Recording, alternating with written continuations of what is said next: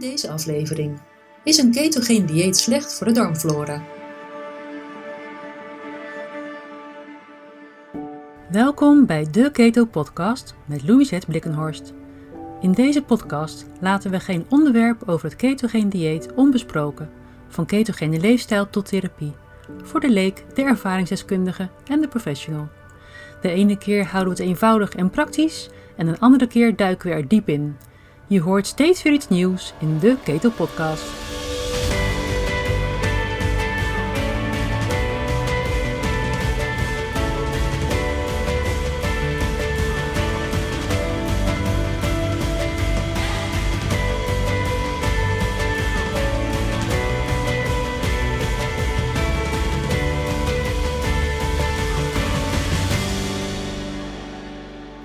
Hallo en welkom bij de achtste aflevering van de Keto Podcast.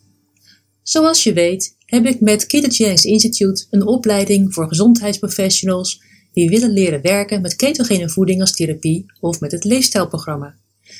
En de laatste tijd krijg ik vaak vragen over dat waar ik het vandaag over wil hebben, namelijk is ketogene voeding een slechte invloed op de darmflora?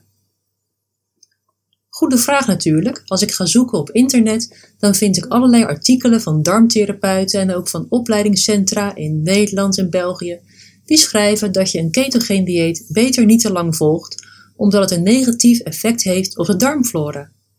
Er wordt gesteld dat deze manier van eten zorgt voor een eenzijdige darmflora, afname van bifidobacteriën en minder butyraatvormende bacteriën. Dat klinkt misschien zorgelijk, maar is dat terecht? Ik denk dat hier op een andere manier naar gekeken moet worden en dat levert een heel andere interpretatie en uitkomst op.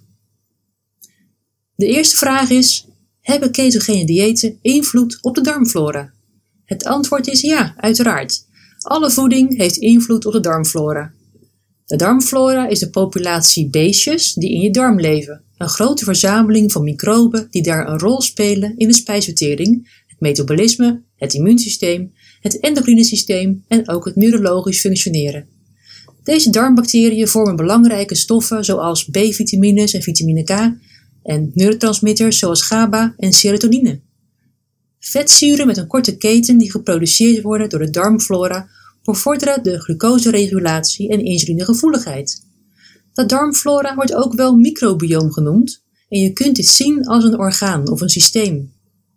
Het microbioom communiceert met de hersenen via de darm-breinas. En wist je dat deze bacteriën invloed hebben op de doorlaatbaarheid van de bloed-hersenbarrière en de ontwikkeling van gliacellen?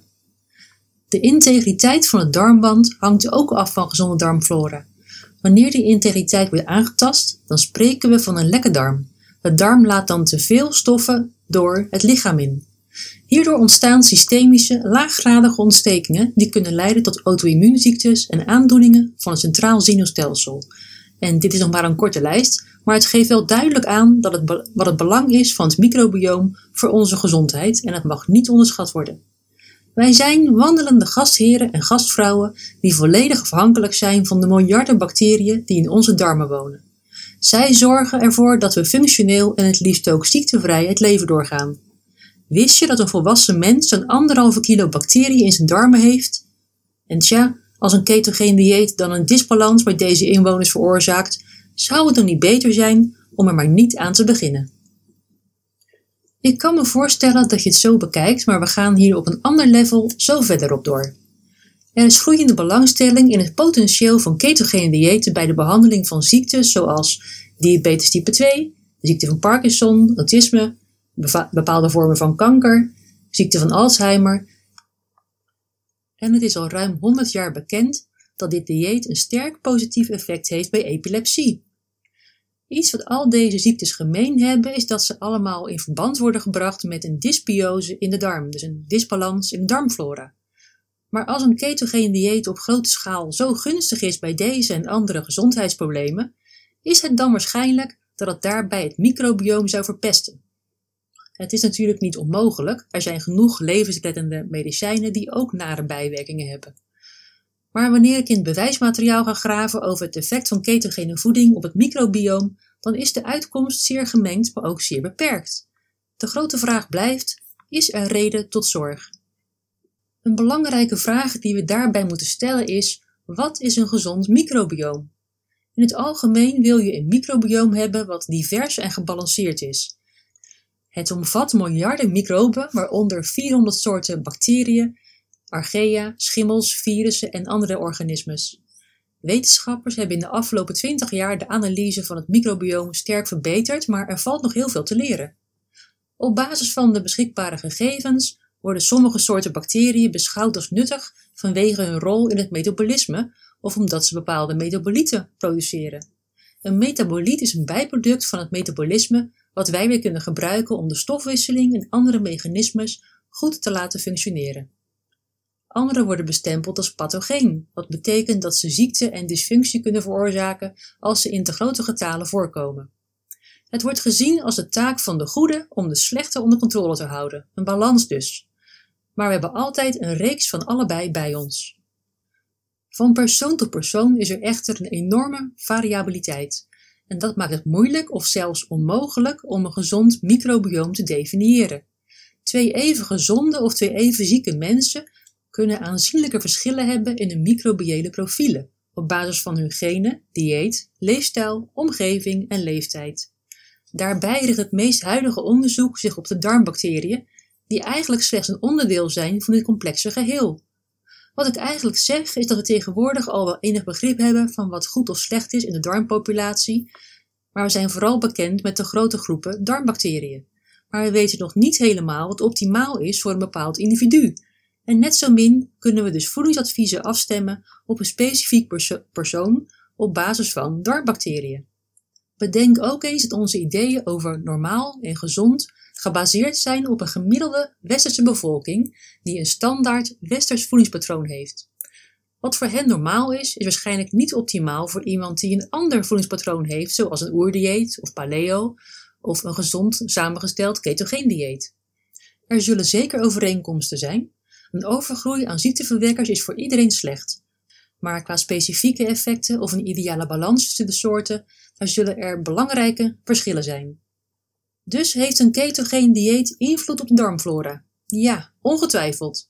Elk voedingspatroon beïnvloedt de samenstelling van de darmflora en wanneer je patroon verandert, dan volgt darmflora binnen een paar dagen. Of je nu van westerse voeding overstapt op vegan of op carnivore, of op paleo of op keto, binnen een paar dagen past de darmflora zich aan. Op basis van de verschillen in inname van de hoeveelheid proteïne, vet en koolhydraten zul je al flinke verschillen zien in de bacteriële profielen. En dan heb ik het nog niet eens over de metabolieten. En anders is niet per se slecht. Het is logisch dat het microbioom zich aanpast bij een ketogeen dieet. Maar wat we echt willen weten is of ketogene voeding het microbioom op een blijvende manier bij individuen verandert. En of die veranderingen leiden tot positieve, negatieve of neutrale effecten op de gezondheid. Die gegevens bestaan nog nauwelijks op dit moment. Waarom wordt dan toch gezegd dat ketogeen slecht is voor de darmflora? De meeste zorgen komen uit twee verschillende hoeken. Ten eerste wijzen onderzoekers op individuen in traditioneel levende samenlevingen die nauwelijks te maken hebben met moderne ziektes. Hun microbioom is veel diverser dan dat van de gemiddelde westerse inwoner. Het wordt beschouwd als de gouden standaard voor darmgezondheid. En deze diversiteit is grotendeels te danken aan de overvloed van vezelachtige planten in de voeding. En deze bevatten toegankelijke koolhydraten die de gewenste darmbacteriën voeden. Op basis hiervan zijn wetenschappers eh, van mening dat het gebrek aan dit soort koolhydraten in onze moderne voeding, samen met te veel suikers en bewerkte producten, bijdraagt aan de opkomst van beschavingsziektes. Aha, zie je wel, een ketogeen dieet of koolhydraatarme voeding bevat ook weinig van deze koolhydraten. Hebben we dan nu iets gevonden waarom deze voeding slecht zou zijn voor de darmflora? Nee, we zijn er nog niet. Blijf nog even luisteren. Dit was het eerste punt. Het tweede punt is dat sommige studies bij muizen suggereren dat vetrijke diëten leiden tot ongunstige veranderingen in het microbioom. Deze muizen met vetrijkere voeding hebben de neiging om meer bacteriën te hebben die gelinkt worden met ontstekingen en ziektes bij mensen. En minder van die bacteriën wordt daarom beschouwd als gezond en beschermend. Ik wil niet zeggen dat dit soort studies niet zinvol zijn, maar ze laten alleen de verbanden zien tussen één deel van de voeding en één verandering in een klein deel van de darmflora bij muizen. Dat is nog niet het bewijs dat een ketogeen dieet slecht zou zijn voor het menselijk microbioom. En wat vaak niet duidelijk genoemd wordt, is dat deze muizen een soort cheesecake dieet krijgen. Dus een voeding met veel vet en met veel suikers. En ook wordt niet gespecificeerd of dit gezonde vetten zijn of dat het uh, pro-inflammatoire vetten zijn. We weten nu dat darmflora en gezondheid nauw met elkaar verbonden zijn, maar we zijn nog heel beperkt in wat er daadwerkelijk aan darmbacteriën gemeten kan worden. De meeste onderzoeken bij mensen worden gedaan aan de hand van ontlasting. De ontlasting die onderzocht wordt, is al aan het einde van het spijsverteringsstelsel. Er is onderweg in de vele meters van de dunne darm en de dikke darm al van alles gebeurd en gedaan, wat invloed heeft op wat er uiteindelijk via de endeldarm naar buiten komt. Wat we zien is voornamelijk het resultaat van wat er in het laatste deel van de dikke darm zich heeft afgespeeld, maar wat zich hoger in de darmen heeft voorgedaan, kunnen we nauwelijks nog zien. Eigenlijk staat de test van darmflora nog in de kinderschoenen. Misschien heb je wel eens gehoord van de Firmicutes en de Bacteroidetes. Samen vormen zij het merendeel van de levende bacteriën in de darmen, zo'n 80%. Over het algemeen is het uitgangspunt dat er in de gezonde darm twee tot drie maal zoveel firmicuten aanwezig zijn als Bacteroidetes. De firmicuten zijn in staat om onoplosbare vezels af te breken en om te zetten in korte keten vetzuren zoals acetaat, propionaat en butyraat. En vooral het butyraat is een voorkeursvoedingsbron uh, voor de cellen in de darmwand en voorziet in zo'n 70% van de energiebehoeften van deze cellen. Een regelmatige toevoer van butyraat is dus nodig om de barrièrefunctie van de darmen te behouden. Beide stammen omvatten duizenden verschillende soorten bacteriën. Tot de stam Firmicutes behoren onder andere Clostridium en Lactobacillus. Studies hebben laten zien dat dikke mensen in verhouding een hoger aantal Firmicutes hebben. Deze mensen halen hierdoor meer calorieën uit hun voeding. De stam van de Bacteroidetes omvat de belangrijke Bacteroides en Prevotella. Hoe meer Bacteroidetes, hoe lager het gewicht, lichaamsgewicht, is de stelling. Deze bacteriën voeren metabole omzettingen uit die essentieel zijn voor de gastheer. Ze zorgen mede voor de afbraak van eiwitten en complexe suikerstructuren. Het meten van deze twee bacteriegrootmachten in de darm, zoals het vandaag de dag gebeurt, is vergelijkbaar met het meten van een paar vierkante meter zeebodem in de grote oceaan. Je kunt de verhouding meten tussen bepaalde weekdieren, dus uh, slakken, tweekleppige of octopussen, en vervolgens op basis van die meting beweren dat je iets kunt melden over het milieu in de oceaan. Dat klopt natuurlijk niet. Het is een zeer onnauwkeurige manier van meten. Er zal nog jarenlang onderzoek gedaan moeten worden naar het microbioom voordat we echt weten wat het is wat we zien. Net noemde ik al dat de cellen in de wanden van het darmen in grote hoeveelheden butyraat gebruiken voor een gezonde stofwisseling en voor de integriteit van de darmen. Over het algemeen wordt ervan uitgegaan dat plantaardige vezels in de voeding worden omgezet door de firmicuten in de korte keten vetzuren, waaronder dus butyraat. De stelling is dat als de voeding niet genoeg uh, vezels bevat, zoals bij een voedingspatroon gebaseerd op dierlijke eiwitten, dat er niet genoeg materiaal is voor de darmbacteriën om butyraat te kunnen produceren. En dat zou ten koste gaan van de gezondheid van de darmwand. Dus eigenlijk wordt er gezegd dat een voeding die bestaat uit voornamelijk dierlijke eiwitten schadelijk is voor de darmen. En daarmee gaan we ervan uit dat de darmflora maar één substraat kan gebruiken voor de productie van dit hele belangrijke stofje. Er bestaat echter zoiets als metabole flexibiliteit in het microbioom. Het kan ook andere voedingsbronnen gebruiken en zich daaraan aanpassen. Butyraatproductie kan ook plaatsvinden in bacteriën uit andere delen van de filogenetische boom. Dus bacteriën die niet helemaal direct verwant zijn, maar toch zeer vergelijkbare functies hebben in de darm. Toekomstige microbiomonderzoeken zullen ook moeten gaan kijken naar metabolomics, proteomics en transcriptomics. Kortom, het in beeld brengen van functionele bacteriën in plaats van alleen maar welke bacteriën er aanwezig zijn. De huidige darmonderzoeken bijvoorbeeld kunnen ter vergelijking wel zien dat een bepaald dier een hond is, maar niet of het een poedel is of een Deense dog. Het is allebei een hond, maar toch ziet het er heel anders uit. Een deel van de uitdaging is dat als we het hebben over gezonde darmflora, we eigenlijk niet precies weten hoe dat eruit ziet. Twee willekeurige mensen kunnen een derde van hun darmflora hetzelfde hebben, terwijl bij anderen er totaal geen overlap is. Laten we bijvoorbeeld de bifidobacteriën nemen. Een bekende eh, stam die wordt gezien als een zeer belangrijk onderdeel van de darmflora en essentieel voor de darmgezondheid. En we zien deze vooral bij gezonde westerse populaties. Echter, in bepaalde andere gezonde populaties, zoals bijvoorbeeld uh, jager-verzamelaars zoals de Hadza, worden geen bifidobacteriën aangetroffen. En deze mensen hebben bijna geen chronische ziektes zoals wij die hier in het Westen hebben. Dus de bewering dat bifidobacteriën essentieel zijn voor de darmgezondheid, die klopt niet.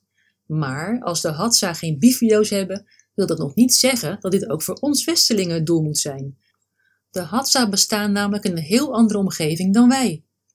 En waarom zeg ik dit nou allemaal? Ik probeer aan te geven dat het definiëren van de gezonde microbioom nog niet zo eenvoudig is en dat het geven van voedingsadviezen op basis van ontlastingonderzoek echt te simpel gedacht is. Het is nodig om het menselijk microbioom in een evolutionaire context te plaatsen. Een bekende uitspraak is: Nothing makes sense in biology except in the light of evolution. Het leven, en dus ook de mens, is ongelooflijk flexibel, veerkrachtig en verbonden met alles om zich heen, en dat geldt ook voor ons microbioom. Toen we ooit over de planeet reisden naar nieuwe leefomgevingen, veranderde het voedingsaanbod voortdurend. Het is dan ook logisch dat ons microbioom het vermogen heeft zich aan te passen aan alles wat er aan voeding voorhanden is. dat varieerde van plantaardige koolhydraten tot dierlijke voeding met veel vet en eiwitten, afhankelijk van het seizoen en de geografische ligging. Het is daarom voor de hand liggend dat er bij onderzoek naar darmflora rekening gehouden gaat worden met het voedingspatroon van de persoon en de capaciteit van het darmflora om zich snel en effectief aan te passen aan veranderingen. Dus laten we niet rekenen met een ideaal model van hoe de darmflora eruit moet zien bij iemand, maar van hoe een individu functioneert aan de hand van wat hij eet. Bij een crossover onderzoek waarbij twee groepen mensen meededen, kregen de deelnemers elk vijf dagen lang een vetarm plantaardig dieet of een vetrijk dierlijk dieet. De eerste groep at 300 gram koolhydraten per dag uit granen, rijst, linzen, groenten en fruit. En de tweede groep at slechts een paar gram koolhydraten per dag en at vooral eieren, vlees en kaas. En deze groep was binnen de tijd van vijf dagen meetbaar in ketose en dus hadden zij de ketonen acetoacetaat en beta-hydroxybutiraat in het bloed. Wat ze zagen was een afname van de bacteriële populaties die te maken hebben met vezels en koolhydraten. En er was een toename van de bacteriën die galtolerant zijn en een rol hebben bij de eiwitvertering, precies zoals je zou verwachten. Tegelijkertijd daalden de gebruikelijke korte keten vetzuren zoals butyraat en acetaat. Opvallend genoeg bleek dat het plantaardige dieet met veel vezels slechts iets meer butyraat opleverde dan het dierlijke dieet. Maar er was vooral een significant hogere productie van isovaleraat en isobutyraat bij het dierlijke dieet. Van isobutyraat is aangetoond dat het veel van dezelfde receptoren activeert als butyraat. Hierdoor wordt het idee afgezwakt dat een plantaardig vezelrijk dieet aanzienlijk beter zou zijn voor de darm vanwege de butyraatproductie. Deze isovetzuren zijn afkomstig uit de afbraak van eiwitten en zijn een prima bron van energie voor de darmcellen. Daarnaast wordt er acylcarnitine uit galzuren gevormd. Uiteindelijk zijn er dan vier moleculen die butyraat kunnen vervangen, namelijk isobutyraat, acetoacetaat, beta-hydroxybutyraat en acylcarnitine. Deze stoffen gebruiken grotendeels de metabole, dezelfde metabole routes als butyraat en als substraat hiervoor worden diverse bronnen van zowel binnen als buiten de darmen gebruikt, wat de afhankelijkheid van vezels overbodig maakt. Dit is allemaal gebaseerd op de vetzure stofwisseling, maar uit verschillende bronnen, mede afhankelijk van iemands dieet. Tot slot zien we vaak dat vermindering van voedingsvezels leidt tot afname van klachten als buikpijn, een opgeblazen gevoel en constipatie. Een dieet laag in vezels kan daarmee bijdragen aan het therapeutisch effect van keto. Het microbioom past zich dus aan. Het is van nature metabool flexibel, waardoor nog steeds een normale darmfunctie behouden kan blijven. In 2015 klassificeerde de WHO rood vlees en bewerkt vlees als mogelijk kankerverwekkende voeding. Er zijn publicaties die aangeven dat vetrijke voeding mogelijk verband houdt met kanker. Er is op dit gebied echter nog heel veel behoefte aan studies bij mensen. Eigenlijk is de uitspraak van de WHO gebaseerd op zeer dunne gegevens. Het is te eenzijdig om alleen vlees of bewerkt vlees de schuld te geven. Er moet naar het totale voedingspatroon gekeken worden, wat vaak van slechte kwaliteit is. Er zijn inmiddels studies die aantonen dat ketogene diëten en ketonen kankerremmend kunnen zijn. En deze studies suggereren dat een ketogene voeding de beschikbaarheid van glucose voor de tumorcellen vermindert, maar ook de redoxstatus in de cel kunnen veranderen, wat celdood bij tumorcellen verhoogt. Het wachten is op formele klinische studies, maar het is zeker een zeer interessant gebied. En voor wie meer uh, hierover wil lezen, kan ik een aantal boeken aanraden. De Engelstalige boeken Keto for Cancer van Miriam Kalemian, Tripping Over the Truth van Travis Christofferson, Cancer as a Metabolic Disease van Thomas Seyfried, hoewel dit boek heel moeilijk verkrijgbaar is en vaak ook zeer prijzig. Um, de andere twee boeken die ik hiervoor noemde zijn hierop gebaseerd en geven al heel veel informatie. En tot slot is er nog het Nederlandstalige boek van William Kortvriend met de titel Kankervrij. Ook hierin is veel aandacht voor ketogene diëten. Er zijn hardnekkige geluiden over de negatieve effecten van een proteïne- en vetrijke voeding en dat schadelijk zou zijn voor de darmen en de gezondheid. En de drie die steeds weer genoemd worden zijn LPS, TMAO en galzuren. LPS of uh, lipopolysacchariden kunnen endotoxisch zijn. Deze gram-negatieve bacteriële toxines kunnen zich nestelen in de darmwand. Over het algemeen is het volkomen normaal dat er veel gram-negatieve bacteriën in de darmwand zitten. Er is echter een link aangetoond tussen deze toxines, chronische ontstekingen, metabole dysfunctie en insulineresistentie. En we weten dat vet de translocatie van die LPS door de darm heen verhoogt. Dit bleek uit studies waarin mensen werd gevraagd om zware room met veel vet te drinken, waardoor meer LPS door de darmwand heen kwam. Het lijkt er echter op dat het belangrijkste probleem niet het vet is, maar een te, uh, te doorlaatbare darm, een verminderde barrièrefunctie dus. In een normale situatie wordt LPS opgenomen uit de darm in de chylomicronen en in de volgende fase in de lever. Daar worden ze gemetaboliseerd en afgebroken. Het probleem lijkt dus te zitten in de ongereguleerde opname door de darmwand heen, wat veel schadelijker is. Het is niet het vet, maar een te lekke darm. Het volgende wat vaak genoemd wordt is TMAO. Dit wordt geproduceerd vanuit choline en carnitine, wat alleen voorkomt in dierlijk voedsel. Het wordt in verband gebracht met een hoger risico op hart- en vaatziekten, hoewel het bewijs daarvoor nog niet heel sterk is. Hier komt ook de bewering vandaan dat het eten van eieren en vlees slecht zou zijn voor de hartgezondheid. Terwijl ook zeevruchten TMAO verhogen, worden deze niet genoemd als risico.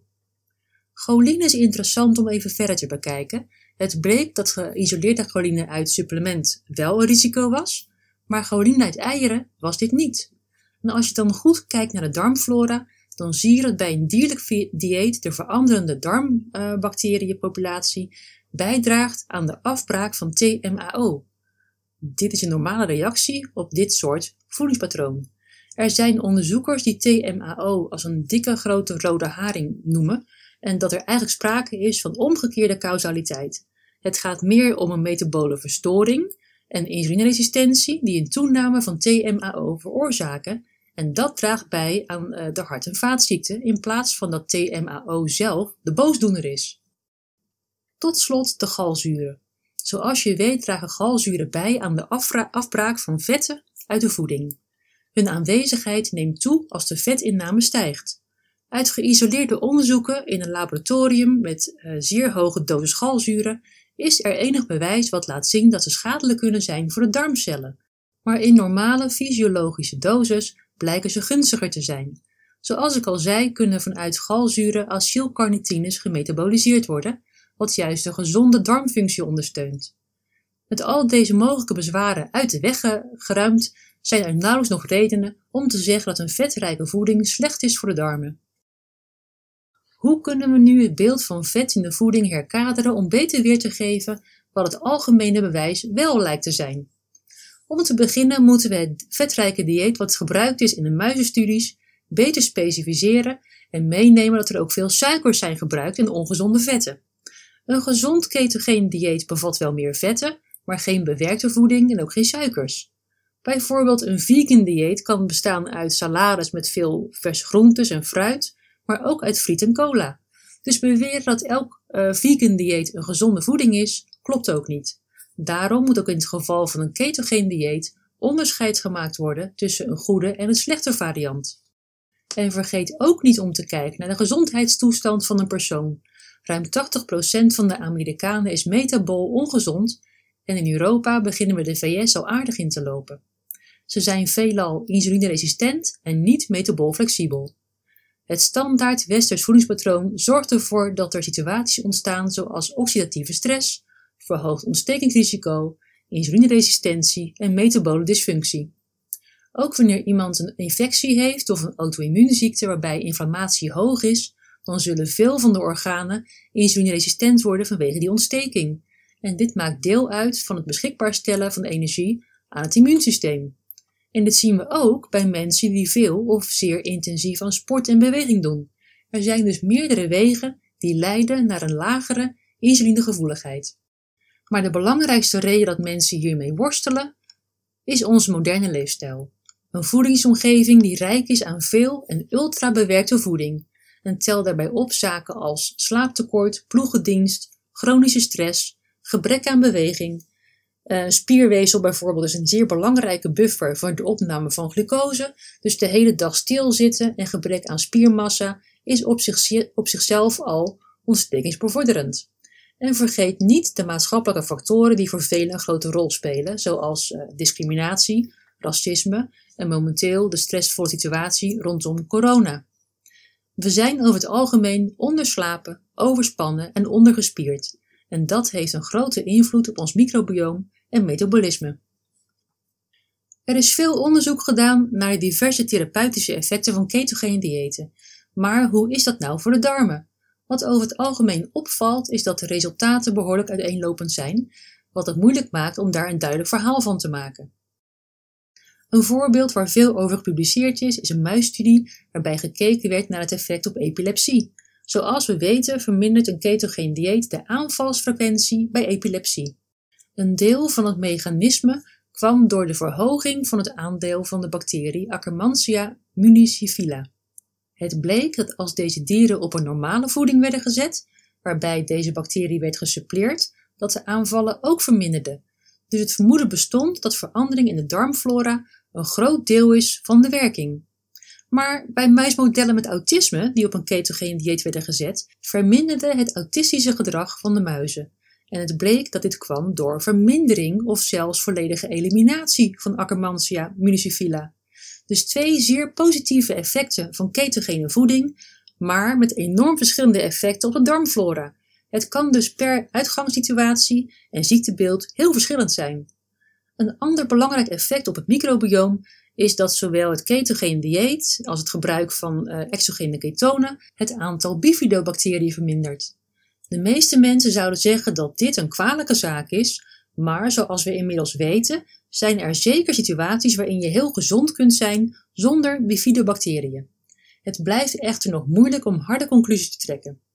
Het is wel belangrijk dat je weet dat afhankelijk van de ziekte en de omgevingsfactoren een ketogeen dieet verschillende reacties kan geven op het microbioom en op de uitkomst. En we weten inmiddels dat ketogene voeding de kwaliteit van leven aanzienlijk kan verbeteren voor mensen met darmproblemen en spijsverteringsstoornissen zoals IBS, een, een spastische darm dus, en de ziekte van Crohn. De symptomen worden drastisch verbeterd. Het prestigieuze tijdschrift Cell publiceerde in 2020 een studie waarin duidelijk werd waarom er onderscheid gemaakt moet worden tussen koolhydraatarme diëten en ketogene diëten. Alleen bij de ketogene diëten werd een vermindering van de bifidobacteriën gemeten en het bleek dat het ketonlichaam beta-hydroxybutyraat de bifidobacteriën remt. Ten slotte werd ook nog aangetoond dat de afname van de bifido's de pro-inflammatoire TH17-cellen in de darm verlaagt en dit draagt bij aan vermindering van ontstekingen in de darmen. Intussen is al wel bekend dat een ketogeen dieet zorgt voor de toename van bepaalde microben, wat een verminderde aanwezigheid van het enzym gamma-glutamyl transpeptidase tot gevolg heeft. Dit betekent hoge concentraties GABA, wat ontstekingen in de darm remt, en overgevoeligheid en een verstoorde darmperistaltiek reguleert. Ook stijgt hierdoor de GABA-glutamaatratio in het brein, wat weer een positief effect heeft op een gezonde breinfunctie. Kortom, er zijn genoeg aanwijzingen dat ketogene voeding de darmgezondheid stimuleert. Maar wat moeten we nu met deze informatie? Momenteel bevinden we ons in een soort afwachtsituatie. Veel onderzoekers zijn nog steeds heel voorzichtig met ketogene diëten. Het goede nieuws is dat er jaarlijks duizenden microbioomstudies bijkomen. Maar helaas voor degenen die nu willen weten hoe ketogene voeding onze darm beïnvloeden, die zullen nog even moeten wachten op meer antwoorden. Tot op heden is er geen hard bewijs voor het positieve effect van ketogene diëten op de darmgezondheid, maar dat is ook het geval bij andere diëten. Praktijkervaring leert intussen dat veel mensen met diverse gezondheidsproblemen enorm opknappen wanneer ze op een ketogeen dieet overstappen. Tot slot nog even dit. Zou je zelf ook willen ontdekken wat een ketogeen dieet voor jou kan betekenen? Neem dan contact op met een ketotherapeut die ook kennis heeft van de darmen en het microbioom. Kijk op de pagina bij de ketotherapeuten of stuur mij een mail op info@deketopodcast.nl en dan ga ik kijken welke therapeut geschikt is voor jouw hulpvraag. Ik hoop dat deze podcast wat meer duidelijkheid heeft gebracht bij de vraag of ketogene voeding slecht is voor de darmflora en dat je nu alle genoemde bezwaren aan de kant durft te schuiven en zelf gaat proberen welk effect een ketogene dieet op jou heeft. Fijn dat je weer tot het einde geluisterd hebt en tot de volgende keer. Leuk dat je luisterde naar deze aflevering van de Keto Podcast. Ik hoop dat het je heeft geïnspireerd, vragen heeft beantwoord of juist vragen heeft opgeroepen. Heb je vragen of wil je reageren op deze podcast? Stuur dan een e-mail naar info@deketopodcast.nl. De Keto Podcast is ook te vinden op Facebook, Instagram en Twitter. Vind je deze podcast waardevol? Dan zou je me enorm helpen door een mooie review achter te laten en met 5 sterren te waarderen. En wil je geen aflevering meer missen? Abonneer dan. Deze podcast wordt mogelijk gemaakt door Ketogenics Institute. Ketogenics Institute verzorgt cursussen voor gezondheidsprofessionals over ketogene leefstijl en therapie. En voor een ieder die zelf met een ketogene leefstijl wil starten, is er het Keto Leefstijlprogramma. Meer informatie is te vinden op www.ketogenicsinstitute.com. Mijn naam is Louisette Blikkenhorst. Bedankt voor het luisteren en tot de volgende keer.